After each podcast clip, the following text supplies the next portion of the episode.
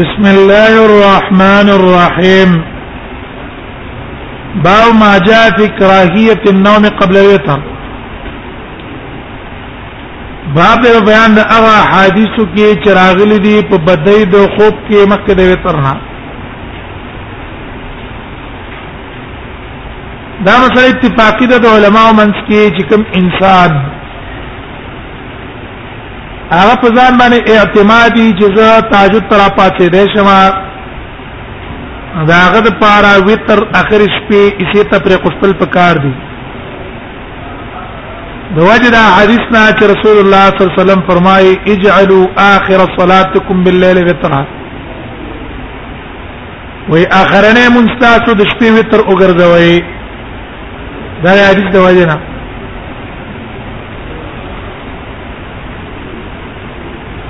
او د وجه درستو د عمر نه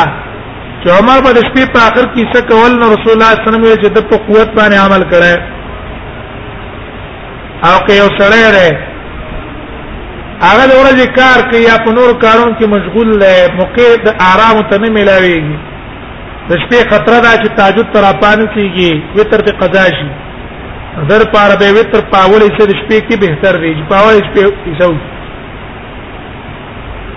دا کوم احادیثو کې چې قبل ان انا نامه هغه ابو هريره رضی الله عنه نبی صلی الله علیه وسلم ویلي یا نور ته ویلي دا احتیاط بنا دي دونه ابو بکر صدیق په پاول شکه وتر کول نبی صلی الله علیه وسلم اخذ هذا وې دې سړي په حزم باندې عمل کړه په احتیاط باندې عمل کړه نبی ورځ دا روایت ته قال دا وی امرني رسول الله صلی الله علیه وسلم ان اوترا ما ته نبی صلی الله علیه وسلم امر کړی چې د وتر وکما قبل ان انام مخکې د نجدو د شم خوب نه مخکې وتر کوم قال ابن ابي عزوائي وكان الشاب يوتر اول الليل ثم ينام شعبي هم پاوري سکه وتر کول به بو د شو دا دی وجنه چې اسنه وتر موږ نه قضا نشي د خوب د وجنه ځکه یې مکه وتر کول به بو د کېدل په دې باب کې د ابو ذر نم روایت ته ابو ذر ته نبی صلی الله علیه وسلم ویلی او ثاني خلیلی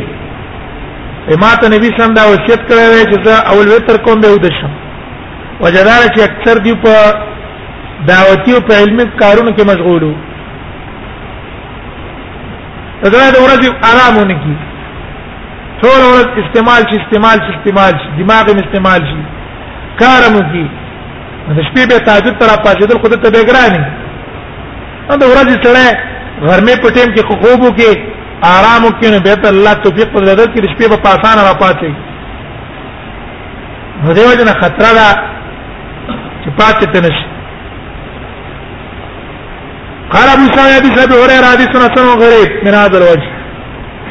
ودا حديث غريب ته من هذا الوجه وابو ثور الازدي وابو ثور الازدي چې نوم د حبيب ابن ابي مليكه ده وقد اختار قوم من العلم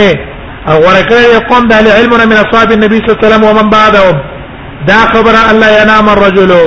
حتا یو ترا سره بنو د کی تر څو پورې چې وتر نه کړي وتر بکای پس دا غیر با و د کی وروی عن نبی صلی الله علیه وسلم وذکر نبی صلی الله علیه وسلم خبره نقل شوی دا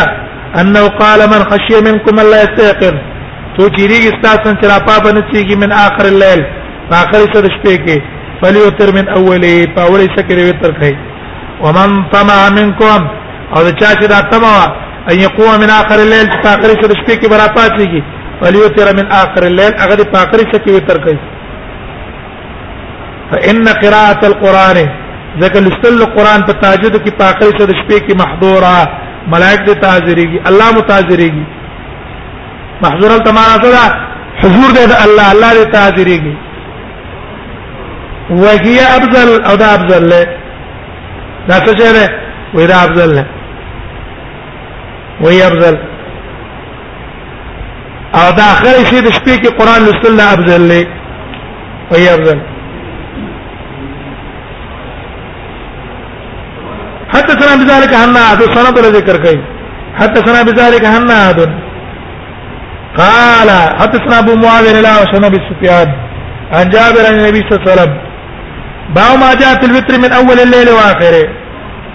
باب بیان د دې کې چې وتر په اول شری شپې کې کولای شي په اخر شپې کې کولای شي خبره نشته په وسط کې کولای شي اوله کې کې په اخر کې کې په وسط کې کې راټول کولای شي مسروق نروایت انه سال عائشه وې د عاشر د عام تاسو کوه تر نبی سم د نبی سم د وتر په بار کې څو وخت به وتر کول فقالت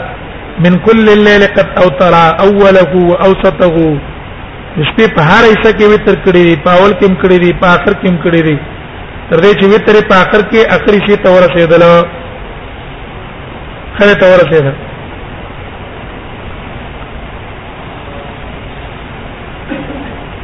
حينما تفي وجه السحر کله چې وفات کېدو په مخ د سبا کې سبا را خاتون مخ کې به کول عرب حسین وای ابو حسین چې د دنوما عثمان ابن عاصم الاسدی ده وفي الباب عن علي وجابر وابي مسعود الانصاري وابي قتاده ودي باب كده علي نا جابر نا ابي مسعود الانصاري وابي قتاده دي ټول روايات نقل له قال ابو سعيد حديث عائشه حديث سنه صحيح ده هو الذي اختاره بعض العلم ودا غره چې غره کړې بعض العلم چې وتر په اخر د شپې کې غره دي باو ما جاء في الوتر بسبعين او ځکه مصنف رحم الله دا بیانې چې وتر څونه لري څونه وتر دی دا به ثابت کی چې رسول الله صلی الله علیه وسلم ورکات وترم کړي پنځم کړي دي دریم کړي دي حکم روایتونه کې چې راځي چې رسول الله صلی الله علیه وسلم رکات وتر کول بیا د تهجد سره سره د وترو نه حسابي یا وو وی کړی دی په دې وو کې تاجود وتر دوه حساب دي وتر بم شو تاجود بم شو ځکه په یو ول باندې اطلاق د راځي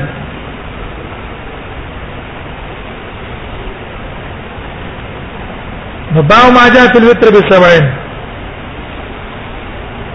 ومن سلمين روایت ته کان نبی سم یوتر ب 13 وی نبی صلی الله علیه وسلم بدیار لس رکعات وتر کول فلما کبر او کبر وی کله چې نبی صلی الله علیه وسلم د عمر نه زیات شو وضعف او کمزور شو د بدن په بدن په اعتبار او تر به سبع ان به ورکعات وتر کول دې باب کې د عائشې نم روایت ده قال ابو سوي حدیث مسلم حدیث حسن ده وقدر یعنی نبی صلی الله علیه وسلم 13 نبی صلی الله علیه وسلم په درې رکعات هم نقل لې 11 په یو سم نقل لې 9 نه باندې سبع په و باندې 5 و 3 و 1 پنځم درېم یوم قال ساقوای ابن ابراهيم وما نامرويا مطلب دا روایت چې نقل شوی د نبی صلی الله علیه وسلم نه ان نبی سلام کان یتر بثلاث عشر یار لسرکات وتر کړه قال انما معناه دې مطلب دا دی انه کان یصلی من الليل 13 دبا د شپې دیار لسرکات کول مع الوتر سره د وتر نه نو فنصبت صلاه الليل للوتر د ټول تهجد نسبت چاته شو وتر ته شو وروي في ذلك حديث عن عائشه وروا في ذلك حديث عن عائشه او ته په دې کې حدیث د عائشه نقل کړه او احتج بما رويه تم دلیل په دین ولایت چې نبی صلی الله علیه وسلم با فرمایل او تیرو یا لو قران وی ګورا قران والا ته وتر ویلې نو وتر نه مراد تهجد دی دغه خطابی مالا من کړه وکړه ابو داود کې مو کړه د خطابي معنا نه ابو داود کې نه ترمذي کې پرونو کړه یا اوترو یا القران ويا القران وانما انا ودې کې مقصد څه دی قیام الليل یقول او مقصد دا دی انما قیام الليل على صاحب القران تهجد بسوک کوي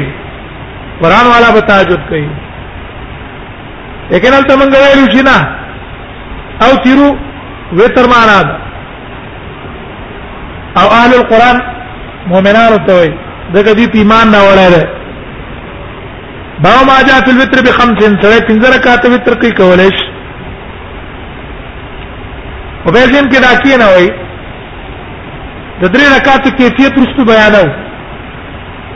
لیکن ورکات سره وتر کې په یو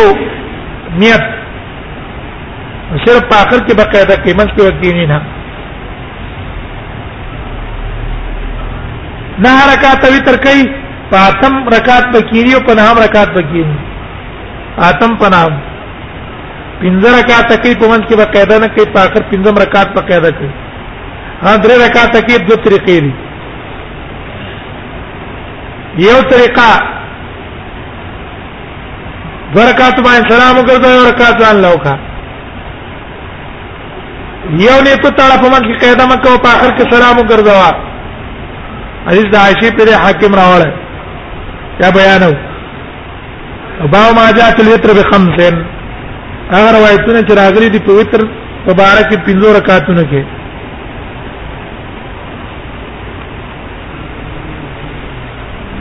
عائشہ رضی الله عنها روایت ده قال كانت صلاه رسول الله صلى الله عليه وسلم من الليل 13 واذا النبي صلى الله عليه وسلم د شپې درې رکعات دي انا رکعات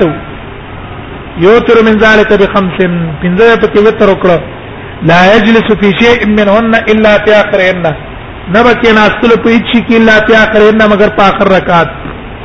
د پنځم رکعات په اخر کې به کې ناستل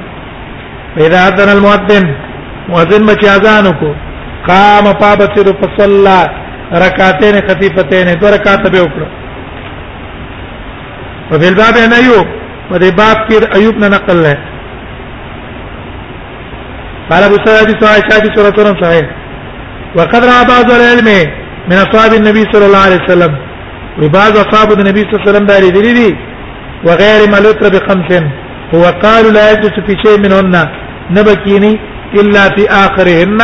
مگر په اخر کې باو ما جاء في الوتر بثلاث در رکعات سره وتر کوي کولای شي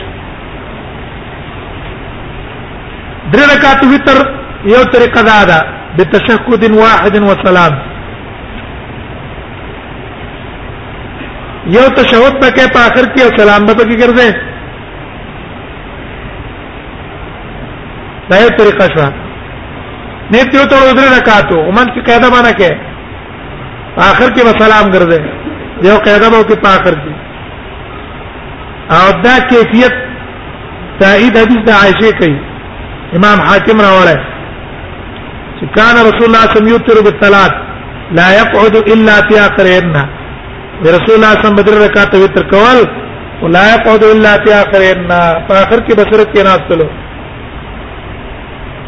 او دا د عمر بن خطاب رضی الله عنه طریقه د وتر هم وا او د عمر بن خطاب نه مدینه والا دا طریقه زده کړي اوس که څوک اعتراض وکړي چې ګورب دا درې رکعاته وتر خو احادیث نه خلاف دي مستدرک د حاکم کی روایت ته دار قطنی کې نه دا ابو هريره د هغه روایت ته چې رسول الله صلی الله علیه وسلم فرمایي لا توتروا بثلاث درې رکعاته وتر مکوي او تروا بخمس او سبع ورکات وتر کوي یا پنځه رکات وتر کوي خدای باندې کوي ولا تشبهوا بصلاه المغرب هغه مانو سم حسابات نه کوي دا غي جواب ته ده چې ګوره در رکات نه وتر محمول له په هغه در رکات وتر چې د ماقام مانزه په شان او شي لکه احناف چې کوي هغه مانزه په شان من کې به تشهود کو به پاتې دي بیا په دویمه قاعده باندې کې او یا دیم احتمال دا دی چې لا تشبه بصلاه المغرب معنا دا ده چې صرف در رکعات وتر کې نور د شپې تهجد نه کې صرف در رکعات اکتفا کې رامه کوا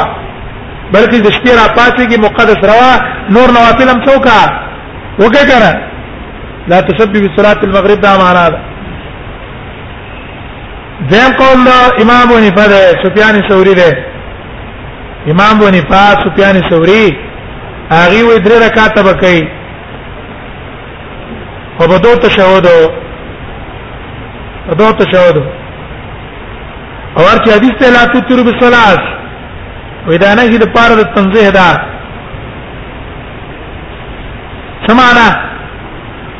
چې محمول علی الاقتصار علی ثلاث رکعات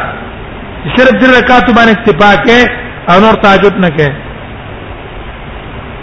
لیکن دا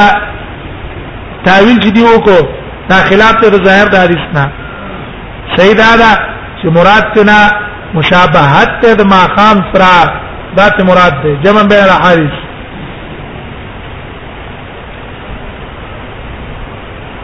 به دا ځین چې کیره د دې علماء اختلاف ته چې وتر څو رکعات په کار ده امام بونی فوای لا لا یکون الا بثلاث در رکعات بکې نه زیات کې نه کم کې امام مالک یو رکعات تر بکې امام شافعی امام احمد وای یو رکعات هم کولای شي درې رکعات هم کولای شي پنځم کولای شي وم کولای شي نام کولای شي ورس کولای شي هغه درې رکعات به کې درې رکعات دا علماء درې رکعات کې به تر طریقه دا ده چې دو سلامونه باندې وکړي او یا یو سلام یو کې خمن کې به قاعده نه کې نن کې وطن کې قاعده باندې کې او دا قول راجح ده ځکه ادله د دې ترجیح ورکړي احنا په استدلال له ولې پر روایت عبد الله بن مسعود دا قطنی راوړې مرفوع وتر الليل ثلاث كوتر النهار صلاه المغرب وګورا وتر د شپې دا درې رکعات دي په شان ته د وتر د ورځې چې ما قام مونږ ده وګوره هغه نه معلوم شو جواب تعالی چې دا روایت باندې استدلال ځکه چې نه امام دار قطنی وايي تفرد به یحیی یحیی په تفرد کړی هغه ضعیف ده او امام بیقی سید علی چې دا موقوف ده په ابن مسعود او دار قطنی د عائشین هم نقل کړی او دا هغه په سند کې اسماعیل ابن مسلم المکی دی هغه زویب دی هغه زویب دی نو درې رکعاته وتر مشافعه د ماقام باندې سره دا نقل ندی د نبی صلی الله علیه وسلم په صحیح روایت کې پس امام ترمذی دا علی قول نقل کوي کان رسول الله صلی الله علیه وسلم یتر بالثلاث رکعات وتر به کول یقرأ فيهن بالتسوار ما سورتنا فکلستل مفصلاتنا یقرأ فی کل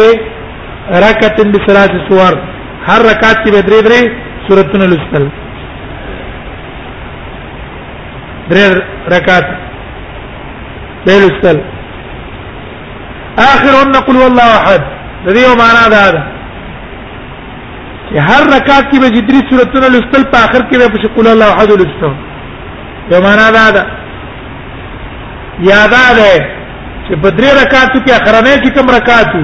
او پاتې به سورتونه لستل نو پاتې به اخرنه قل ولا احد لستل دوه احتمال پکې دي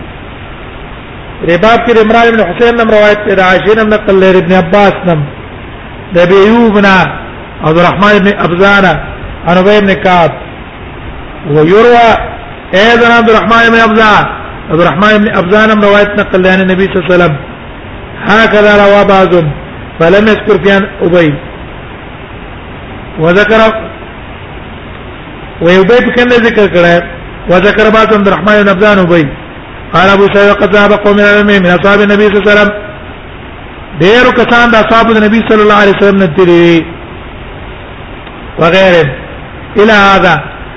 هم دې پسې ورأو اده غړل ان یو تیرا بثلاث رکعات چې درې رکعات وتر به تر ده درې رکعات لري سره کوي دا قول د ابن مبارک او امام بونی په زیات باندې کوي کم بم نه کوي حدثنا سعيد بن يعقوب الطالقاني عن الشام عن محمد بن سيرين قال كانوا يوترون بخمس وبثلاث صحابه په پنځه رکعات وتر هم کول درې هم کول یو رکعات هم کو ويرون کل ذالک حسنا دا ټول جایز دي با ما جاء فی الوتر برکا یو رکعات وتر جایز دی احنا به یو رکعات وتر نه مانی لیکن د نبی صلی الله علیه وسلم یو رکعات نقل له او قیام الليل ابن نصر المروزی د عبد الله بن مسعود نه ابو الدرداء نه ټول یو رکعات وتر نقل کړي او تر برکا صرف یو رکعت وتر کړي مخکې ته نور منځونه نه کړي احنا چې کوم تعویل کوي چې او تر برکه معنا دا ده چې دا مخکې مونږ په یو رکعت باندې وتر کړه دا تعویل ته چلیږي نو هلته څنګه کیږي نه چلیږي یو رکعت ترم جائز ده انا انس بن سيرين قال سالت ابن عمر ما ابن عمر ته پوښتنه کو فقلت تو ویل اصل په رکعت الفجر سار پر رکعت سنت د کولای شمه قال كان النبي صلى الله عليه وسلم من الليل نبی سم د شپې مونږ کا دوا دوا ويوتر برکا اخر کې یو رکعت وتر وکړو وکانه صلی رکعتین او به به رکعت کول سار سنت والاذان فی اذنه اذان به په وخت کې مال څنګه دواره اذان په سره متصل وکړه به معنا ده څنګه اذان خلاص شو برکات سنت به وکړه او بل باب عائشہ او جابر دې باب کې عائشہ او جابر او د فضل ابن عباس ته ټول روایت نقل لید ابي ایوب نه ابن عباس نه قال ابو سواي حديث ابن عمر حديث سنه صحيح والعمل على هذا عند بعض العلم من اصحاب النبي صلى الله عليه وسلم والتابعين راو ان يفصل الرجل بين ركعتين ودا رادا سره د دوه رکعاتونو منځ کې جدای راوړي او الثالث او دریم رکعت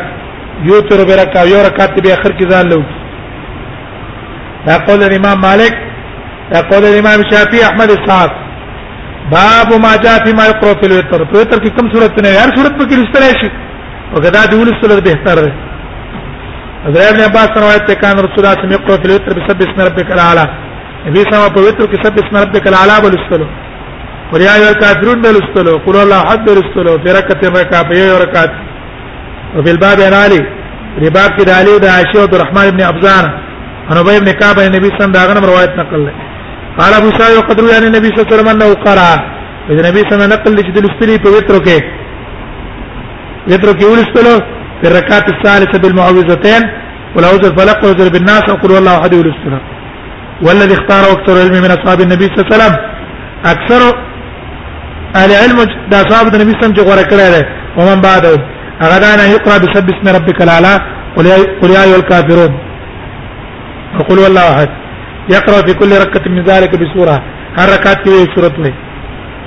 عبد العزيز ابن جريج قال سالت عائشه بي اي شيء كان يت رسول الله صلى الله عليه وسلم قال كان يقرا في الاولى بسبح اسم ربك الاعلى اول کې بسبح اسم ربك الاعلى ويل دیم کې بقول يا الكافرون ويل دریم کې بقول الله احد ويل معوذتين به قال بسبب هذا حديث حسن غريب عبد العزيز